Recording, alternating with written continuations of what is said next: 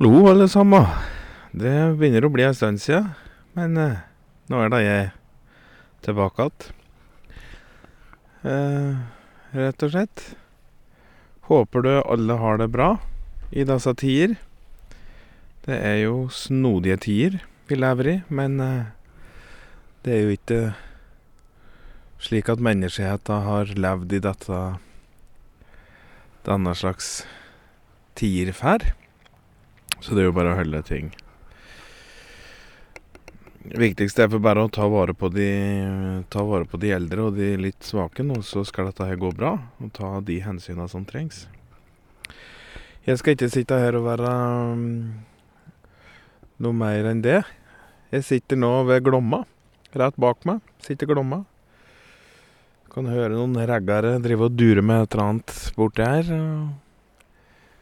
Fuglen ga seg egentlig i det jeg satte meg. Eh, mens furua bak meg, den, den laga litt lyder og vil være med og gjøre seg litt mer bekjent, da. Det er eh, stille tilværelse her i skogen nå. Jeg skal i dag fortelle om Inkeri Abrahamsen. Eh, rett og slett. og det er for bare å begynne, er det ikke det? For det var en tidlig vårdag. Isen lå speilblank oppetter oppkjørte veier blant meterhøye grantrær og furutrær. Snøen den var på vei bort, og til og med i de djupeste deler av Krakadalen så kunne du se vårens grønne og frodige planteliv gjøre seg levende igjen. Eh, og det begynte å blomstre. Og i endegreina i Krakadalen der kunne man se Lars Haltelabb stå ute av huset han hadde høvlet furustelper utafor. For det Han manglet å lafte den siste veggen på huset sitt. Og hadde, den veggen den hadde manglet i flere år, han. For Lars Haltelabb han begynte å bygge seg hus for eh, sju år tilbake igjen.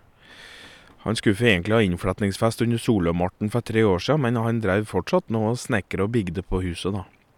Og han var aldri fornøyd. Og de gangene han begynte å bli fornøyd, da fant han alltid på noe annet han måtte gjøre, da.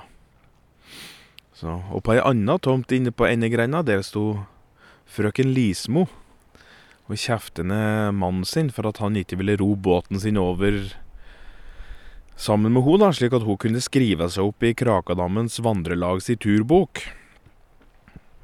Ja, men du må for faen gå denne ruta om du skal skrive deg opp i boka. Det er, det er vandrelag, det er ikke båtlag.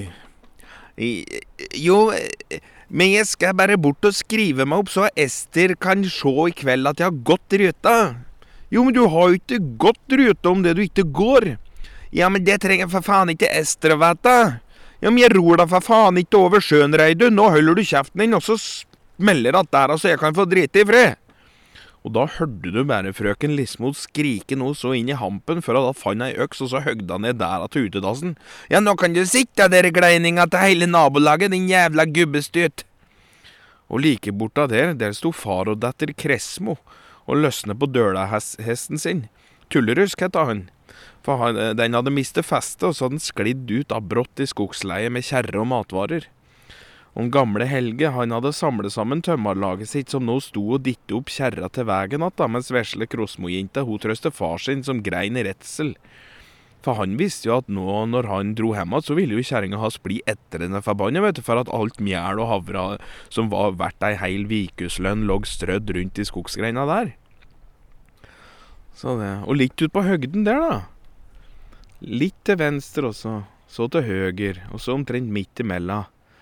Der sto det da et lite hus med to etasjer. Et vindu på hver sin side av da, et vindu på høyre og venstre vegg, og to vindusruter på bakveggen. Og i aretasjen det fantes det bare et uh, lite vindu under taket på hver side. Eh, og der av, det var det da en entré med treutskjæringer, eh, og så var det to trappetrinn. Og på øverste trinnet der satt da Inkeri Abrahamsen. Hun var ei dame på 50 år, og året det var 1908. Hun satt der for seg sjæl med et glass med saft som hun hadde laga seg sjæl ifra rips hun hadde plukket fra sine to ripsbusker bak huset. Hun hadde et bitte lite fjøs der det sto ei ku, og hun hadde to høner og ei katte. Og Inkeri hun koste seg i sola denne dagen, der hun eh, så på en Lars Haltelabb som prøvde å gjøre sitt for at huset snart skulle bli ferdig, og hun koste seg over temperamentet til Reidun Lismo, som akkurat sto og fant iskaldt vann i ei balje som hun så sprang bort til gubben sin Odd, da, som fortsatt satt i uthuset. Så kasta det vannet i ansiktet på han, så han skreik som en støkken gris. Og så følte hun medynk med far og datter Kresmo, som hadde vært på marked uten å få med seg alt hjem igjen. Hun gikk inn og fant en kilo havre, en kilo mjæl, fire gulrøtter og en kilo pottis, før hun da gikk bort til Kresmo. Far Kresmo han tørket tårer og undret på hva det var hun lurte på. Og så ga hun han kurven med mat i, og så sa hun det er ikke mye, men det hjelper litt i noen dager, kanskje. Før hun da tuslet videre til trappa si og satte seg ned. Og når hun så speidet utover, så så hun på tømmerlaget at de svette og svor. Så hun gikk da bort hun med fire liter melk i glassflasker, og gikk bort til hver og en og ga dem her sin melkeskvett i neverkoppa sine. Og så sa at de må bare stå på, bare stå på videre, det er kjempebra. Og dem takket for melka, og Inkeri gikk tilbake til trappa si så og så glana utover atta. Og blikket hennes, det gikk tilbake til Lars Haltelabb, som nå sto på taket for å legge på plass ei diger furu, og tenkte at ja, han kanskje kunne få ei tidlig innfletningsgave, nå som huset uansett snart sto klart. Inkeri hadde til vane å lage himmelier, og en himmeli det er et slags ornament som har navnet sitt ifra ordet himmel, og det er da laga av strå. Og Dette henges opp over middagsbordet for hell og lykke mot, en, mot godt avlingsår da, ut på jorda der det skal spire og gro. Så, så det Hun tok da med seg den fineste himmelien hun hadde laga, og så traska bort til Lars. Lars takker så ydmykt og lover bort kaffe og solskinnsboller så snart huset sto klart til å ha besøk, og Inkeri takker for tilbudet og sa at det var noe hun gledet seg til. Eh, før hun da gikk bort til trappa si og satte seg ned. Og Hun drakk opp nesten hele saftglasset sitt før blikket hennes igjen da han nådde husgården til Reidun og Odd Lismo. Og nå sto Odd klar han med hagla si, og så sto han og trua Reidun med å skuta tvert ned om hun ikke snart roet seg. Mens Reidun hun sto med kaninen til Odd og trua med å vri om huget på kaninen dersom en Odd ikke rodde over til Krakadammen så hun fikk skrive seg ned i denne jævla vandrelagets styrbok. Og Inkeri hun gikk da inn i huset sitt. Så fant hun fram et par friske skinnsko som hun hadde fått av sin jegerbror. Og så gikk hun bort til Lismo-huset. Vær så god, Reidun. Her har du varme og, og fine sko som du kan vandre i så langt du klarer. Og Odd, hvis du ser denne digre grana jeg har bak huset mitt, den som er høyest av alle grantrær som står der, den kan du få saga ned og hogge opp, så du får laga deg ni der til uthuset ditt, kanskje. Så, og ratt så blir det att nukk, så du kan snekre deg to helt nye årer til båten din òg. Sa Inkeri, og så traska rolig tilbake til trappa si og satte seg ned. Og det var igjen litt saft i mugga, så hun helte over et herdt glass til og satte seg ned, og så begynte hun å mimre litt. Og hun kunne huske at hun som lita jente måtte bli med sin far, som var doktor rundt i bygda, på besøk hos sjuke folk. Og en dag da det var ei dame som trengte en eh, blindtarmsoperasjon langt inne i Krakadalen, da måtte eh, Inkeri og far hennes de måtte da ri i flere timer i hardt vinterføre for å komme fram til dette lille huset som sto bortgjemt blant tunge grankvister. Der lå Emilie sjuk og svak og skreik i smerter. Og kæren hennes Brynjar han sto og væte panna hennes og var ekstremt lette når han først så at doktor Abrahamsen kom inn. Men idet far hennes skulle gjøre klar for operasjon, så gikk det jo faen meg opp for ham at han hadde jo glemt å valge utstyret sitt hjemme, han. Og Brynjar han hadde blitt så forbannet så han truer med både juling og drap. Men far hennes han hadde rolig spurt om han hadde ei sølvskje og noe bjørnetråd. Sølvskjea, det var arvegods ifra hans oldemor. Men arvegods, det fikk være arvegods, hadde far hennes sagt. Nå sto det mellom liv og død. Så gikk far hennes ut i smia og laga operasjonskniv ved å slipe skjea på slipestein. Så kom han inn igjen med iskalde never, helte i Emilie all spriten de kunne finne i huset, og så utførte han da en helt perfekt blindtarmsoperasjon. Og han sydde henne sammen igjen med bjørnetråd.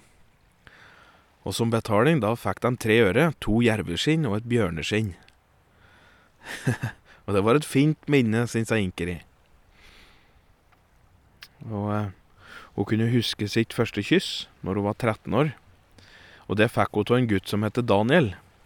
Men Daniel han var en rolig og fin kær, høflig og jovial. Hun fant Daniel inne på en eh, stor stein, og den hette faktisk Storstein.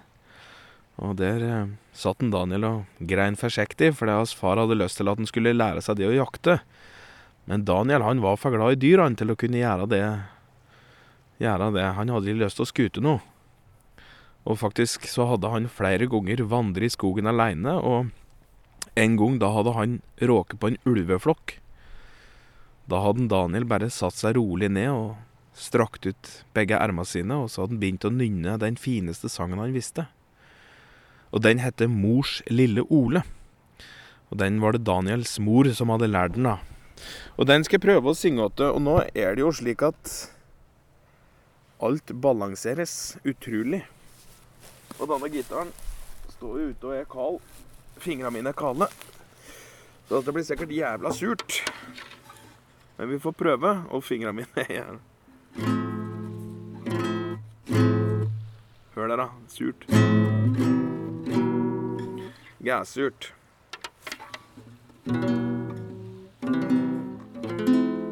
Men sure sanger, det hører med.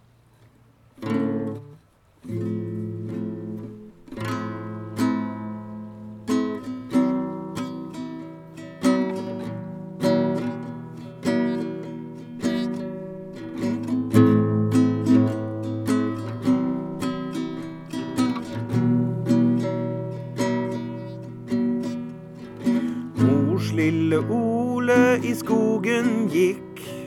Roser på kinnet og solskinn i blikk. Leppen små og blåbær blitt blå. Været jeg slapp her, så ensom å gå. Brumli brum, åkken kommer der. Busken knaker og en hund er nukk. Er pelsen er lodden, men Ole blir glad. En kamerat, det var bra, og, å, god dag.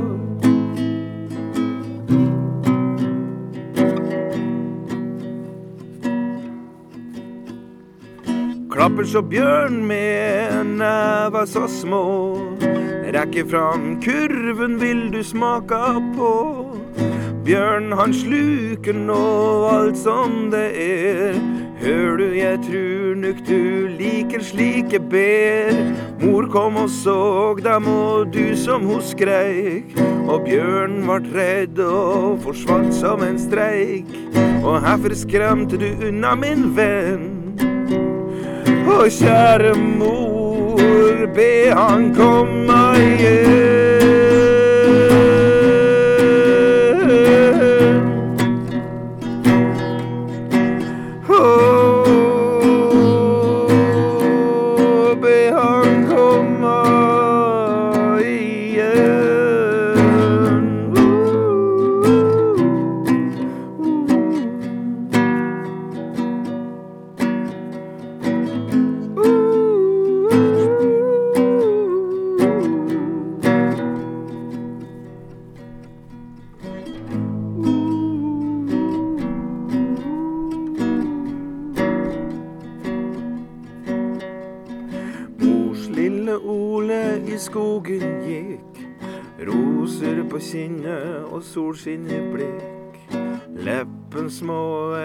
Og blåbær blitt små. Bare jeg slapp her, så ensom å gå. Jeg tar det verset en gang til, for det, det ble så surt. Mors lille Ole i skogen gikk, rose på kinnet og solskinn i blikk. Leppen små er til blåbær blitt blå. Bare jeg slapp her, så ensom å gå.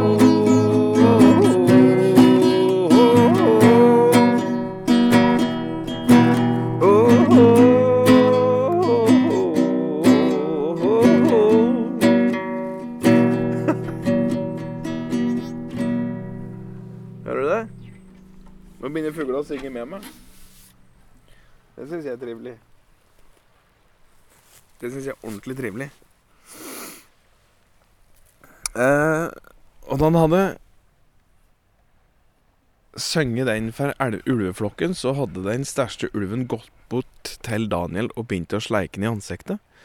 Og så hadde ulveflokken begynt å hule. Nei, ule. og Daniel, han eh, Daniel han hadde blitt med, og så ule dem sammen, han. Og etter det så hadde ikke han lyst til å ta livet av dyra. For når den dyrearten som skogsfolket var mest redde for, var den arten som ga han den slags tillit, da følte han at ingen ville kunne stole på han noe mer om han skulle drepe noen.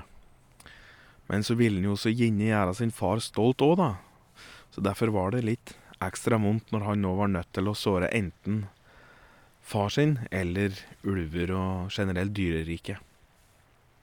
Inkeri hadde da gått bort og trøsten, og Daniel hadde aldri vært nær noen andre enn sine foreldre, så han syntes det virket litt merkelig trygt og nært. da. Han slapp ut alle sine hemmeligheter til Inkeri, og hun satt og hørte på i ro og mak. Og når månen begynte å snike seg oppover tretoppa, så lå de der, og så så de på stjernehimmelen og telte stjerneskudd mens ugla sto ved sida av hukret. Og da soloppgangen var i anmarsj, da spurte han Daniel om han ikke kunne gi Inkeri et lite kyss da, som takk for samværet. Eh, og for Daniel sin del så var det å gi et kyss det fineste han kunne gi, for det var noe han aldri hadde gitt noen før. Selv om han på skolen hadde vært en ganske populær type. Det må sies. Eh, og Inkeri ble rød i kjaka og sa at det var greit, men det var bare om hun fikk lov til å holde han i hånda i ti minutter etter kysset. For hun syns det å holde noen i nevene var så fint. Eh, Inkeri ble brått revet ut ur mimringa si når det plutselig kom en diger jaktfalk som hadde rotet seg inn i skogen, og den hadde brått gjøvet løs på den ene høna til Inkeri. Og Inkeri for opp, rakk akkurat å få tak i beina til høna si og holdt fast så godt hun kunne, mens falkekløra dem satte seg djupere og djupere inn i høna. Nei, nå slipper du høna mi! skreik hun mens hun huket seg ned og brukte alle sine krefter. Men jaktfalken, han var sterk, mye sterkere enn det hun trodde. Og den skjønte nok ikke norsk, for du veit, den slapp jo ikke til, vet du.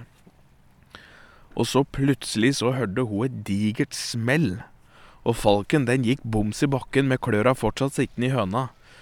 Og ved sida av der sto eh, Odd Lismo med hagla si.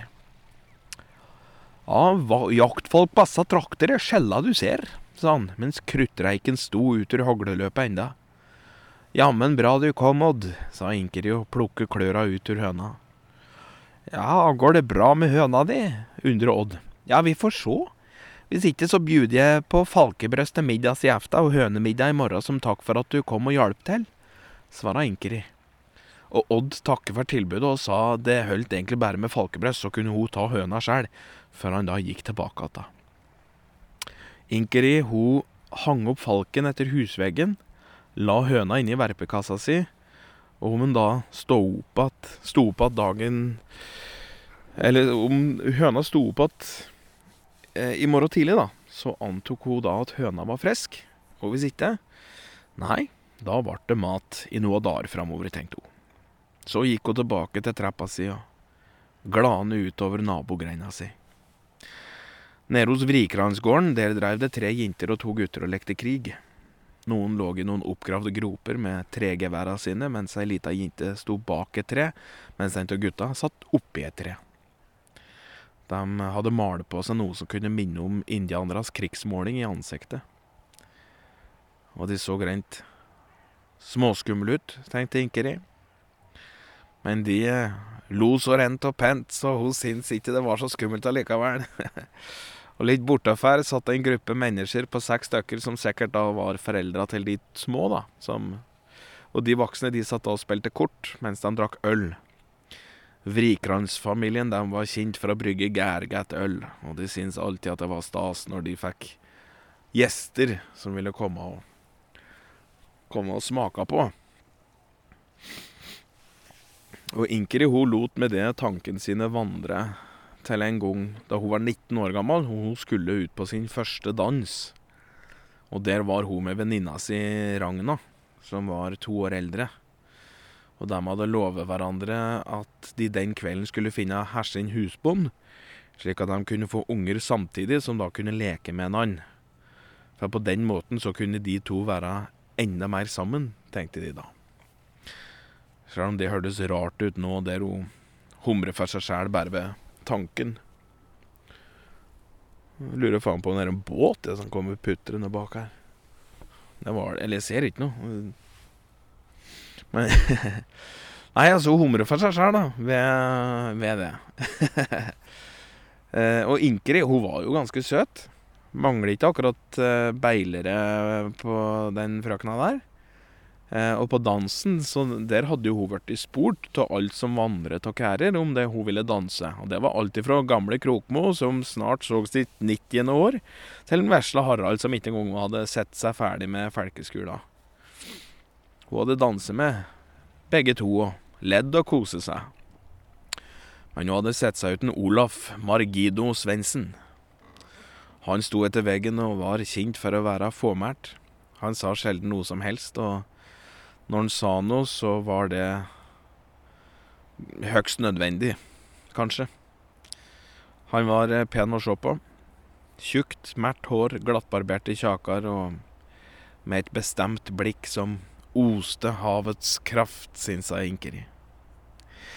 Dessverre, den kvelden så var det òg en kær som het Anton Adolf. Han var en rikmannskær fra byen, med slektninger i Krakadalen som han nå var på besøk hos denne kvelden. Anton Adolf han var egentlig ganske kjekk her å se på, med snaukløpt og glatt hår som lå på sida av panna, smale øyebryn og stram i kjaka. Han hadde et pent smil, men der øva til Olaf Margido oste havets kraft, så oste øva til Anton Adolf løgn og vrangsinn. Han tok heller ikke et nei for et nei, og tvang seg til en dans. Og Inkeri hun sa at han kunne få en dans, så sant han lovte å ikke mase mer. Han lovte, men brøt løftet da dansen var ferdig. Til slutt så måtte hun be han gå, for at hun nå måtte gjøre ifra seg på, i uthuset. Og mens hun satt der, da, så hadde døra plutselig blitt revet opp. Og Anton Adolf han kom inn og trengte seg inn i henne eh, og voldtok henne. Hun grein og sa hun ikke ville, selvfølgelig, men det spilte ingen rolle. En eh, Olaf Margido hadde tilfeldigvis vandret forbi. Reiv Anton Adolf ifra Inkeri, og der hadde han kaldkvelen Anton Adolf til han vart blå i trynet og ikke lenger puste. Sjøl om Inker i hadde takken pent og spurt om å få holde hånda hans, så hadde Olaf Margido bare gått vekk derifra med tårer i øynene sine og sagt at det kunne hun ikke få. Dagen etter hadde Olaf Margido spurt bygda om han fikk lov til å fritas for all gårddrift enn så lenge, for så å reise nordover for å jakte på moskus og det gikk mange år før hun så Olaf Margido atte. Og når han kom hjem til gården sin, så var det jo ingen som hadde vedlikeholdt den, så han måtte jo bygge hele gården opp igjen fra betten av. Hun hadde sett den nå da på markedet, men Men eh, her gang øva deres møttes, så hadde turen eh, Nei, så hadde tåren fylt seg opp i øva hans. Så han vendte alltid blikket bort. Inkrio skulle så gjerne tigen i hånda og takke for at den fantes, men det var noe i ho, noe Noe som hun ikke kunne finne ut av, som gjorde at hun aldri turte. forelskelse, ville Are ha kalt det, men eh, Inkeri taler ikke om at taler ikke om at noen hvordan hun følte det, så hun gikk og bar dette her i ensomheten uten å finne ut hvor dette var. Inkeri hadde fantasert litt og skreiv òg et dikt på denne tida her som var Tenk om vi bygde bål store Tenk vi bygde bål store som tårn, så massive at de brant dine sår. For du lengter etter evighet, mens jeg lengter etter kjærlighet. Hun kunne ikke huske herr hun hadde skrevet det der hun satt og mimret, men hun trodde ikke at Olaf Margido hadde funnet evigheta enda. Og når hun satt der og skulle til å gå inn for å finne seg mer saft, så kom en plutselig far Kressemo bort. De hadde fått opp både hest og kjerre ut ur grøfta. Nå som han hadde kommet tilbake til sin fru med litt havre og korn og grønnsaker allikevel, så hadde ikke fruen blitt så hissig, men heller hadde hun blitt litt glad for at Inkeri hadde hjulpet til. Og som takk så kom en far Kresmo nå med et nibakt brød og et glass med hjemmelaga jordbærsyltetøy, som fruen hadde laga. Inkeri hun ble så glad, for det var jo det beste hun visste. Ferskt brød med jordbærsyltetøy, altså. Det er jo godt òg, det. altså. hun takket da uh, pent og gikk inn igjen, fant bitte litt melk som hun helte over i et glass, og så smurte hun på seg ei brødskive, tok med det ut på trappa. Og jordbærsyltetøy, det minte hun så godt om den gangen eh, da hun hadde vært med sin mor ut for å sanke blåbær og tyttebær i skogen for å lage syltetøy. Mor til Linkeri hun var jo på denne tida her ganske gammel og skjør til beins, men eh, ut i skogen, det skulle ha fertipper, det måtte de ha til fleskemiddager. Så slik var det. Eh, og plutselig, plutselig når de sto der ute i lyngen, så hadde Inkeri brått innsett at denne ene måsahaugen rugges på seg. Mor, mor, ser du, måsen rører på seg, sa hun mens mor kroket seg opp og myste bortover. Nei, jeg ser da faen ikke det som er rett framfor meg engang, så det gjør jeg da for faen ikke. Og så begynte det plutselig å komme snøftelyder da, fra måseklumpen, som drev og rørte på seg der. Mor, mor, hører du han lager lyd òg, da? Ja, men faen, kjære jente, jeg hører da knapt nok her du skriker, så jeg hører da i hvert fall de svarte faen ikke om det er ei mus som driver og færer rundt og driter opp hele lyngen, jeg må du vite. Og plutselig løfter måsahaugen seg opp på to bein, og det var jo ingen måsahaug i det hele tatt. Det var en diger brunbjørn. Inkere snudde seg, for hun så at bjørnen ikke så på ho. Og bak henne så sto det jo noe hun først, først trodde var en jerv. Men så skjønte jeg fort at dette var en bjørnunge som eh, drev og lekte seg. Og Inkeri hun stivnet tvert.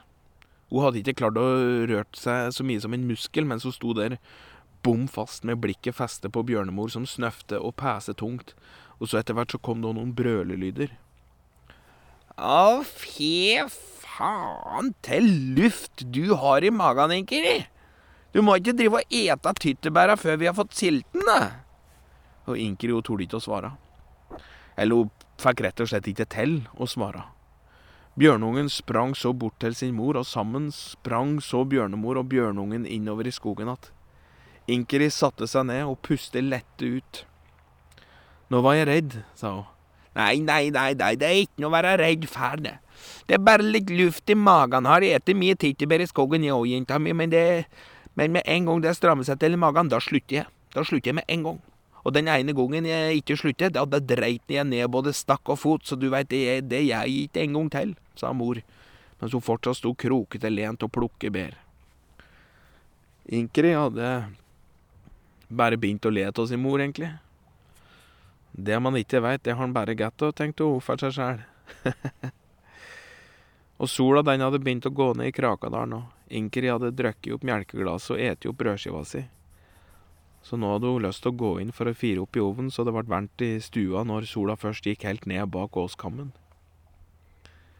Og idet hun skulle til å gå inn, så kremte det bak henne, og der sto Lars Haltelabb med ei diger trillebår med fersk tyrived og en kurv med bjørkenever. Jeg tenkte at som eh, takk takke får hjelpa, så, så um, Ja, den, for du veit, du hjalp jo meg tidligere. Så da tenkte jeg at jeg kan jo bidra med Med, med Du veit Bidra litt, da, slik at stua di lufter frisk tyri. Og bjørkeneveren er jo perfekt for å få ovnen kjapt i gang, og det veit du. De veit at du har sikkert nok bjørkenever, du veit du er inga dum madam, men, men da har du jo litt mer av det. da. Du veit det kan aldri bli for varmt i disse tider, da sola lurer deg med varmestråler. Men du veit da natta kommer, så friser det til med sitt isende nærvær, gitt. Ja. Inkeri takket for veden og gikk inn for å fire i stua.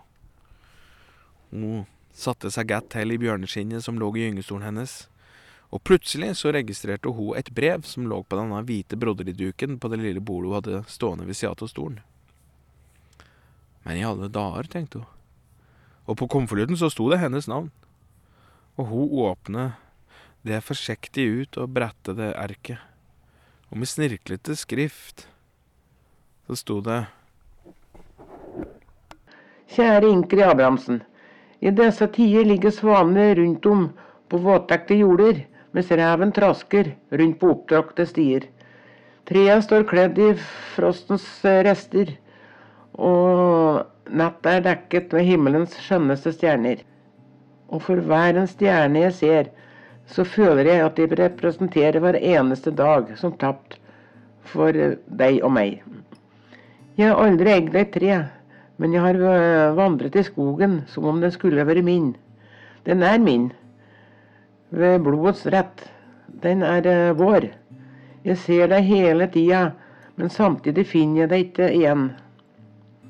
For årene er passert, og vi har aldri vært sammen. Når, sol, når natta låser uh, dagen ut gjennom solporten i vest, så står jeg ved dens inngang og speider etter livets sti. Det har jeg gjort i så mange år, men stien føles aldri rett. Dog er det en sti jeg har unngått i alle disse år. Den stien som leder til den friskeste vår. Du sa en gang til meg at om bare mennesket kunne forstå mitt tause budskap, ville all godhet fylle hvert eneste fjordgap.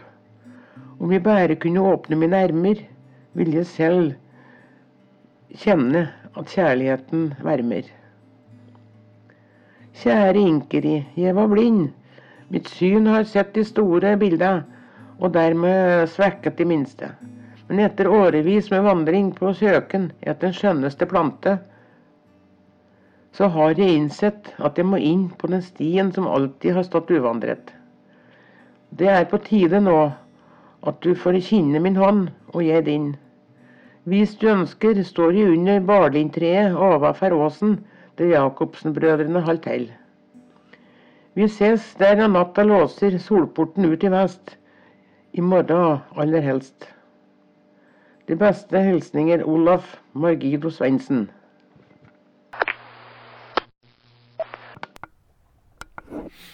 Og den var det faktisk min mormor, Inger Marie Pedersen, som fant. mormor er noe av det fineste man har, det. Faktisk. Eller faktisk, det er jo bare slik det er. Inkeri hun la seg til å sevne den kvelden, med et smil om munnen, og tidlig, tidlig dagen derpå så sto hun under balintreet og ventet i spenning. Og når sola slapp løs sine første stråler, da kunne hun se havets kraft skinne om kapp med sola. Hun sprang bort med et smil om munnen og ble stående framme av den stramme kæren, som åra hadde behandlet meget godt, og håret det var like tjukt som for 30 år sia. Han tok tak i neva hennes, og etter hvert så sto de der til sola gikk ned og holdt rundt hverandre. Så om du vandrer i Krakadalen i disse dager, og du kommer over et digert barlindtre stående på en åskam, så skal du gå dit, og, gå dit bort og se, for der står det da i dag ei lita ripsbuske som hvert år har nok rips til å lage ett glass med ripssaft. Og rundt den lille ripsbuska så vokser det òg opp små markjordbær som man kan plukke og lage akkurat nok syltetøy til å smerje utover ei brødskive. Faktisk. Og det var historien vi hadde om Inkeri Abrahamsen, egentlig. Jeg håper jeg Nok en gang, jeg må bare si jeg håper da alle er snille med han og viser han nok respekt og tar hensyn, på en måte. Akkurat nå er det litt slik. Og i hvert fall for våre eldre og svake i samfunnet, så Det er nok modig jord som ymter litt på eh, om dagen, men Derfor gjør det kanskje litt ekstra vondt at det er de svake og de eldre som ryker. Så vær snille med hverandre, alle sammen. Så er det ikke lenge til påskekrim, gitt. Jeg lover det.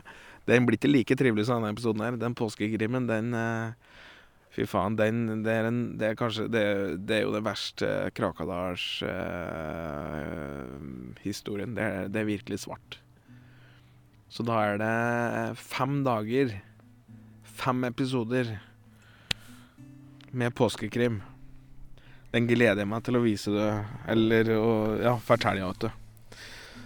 Så ha det bra, alle sammen. Ta vare på deg sjøl. Og god karantene. Slik som dere kan bo ute i skogen. Hei så lenge.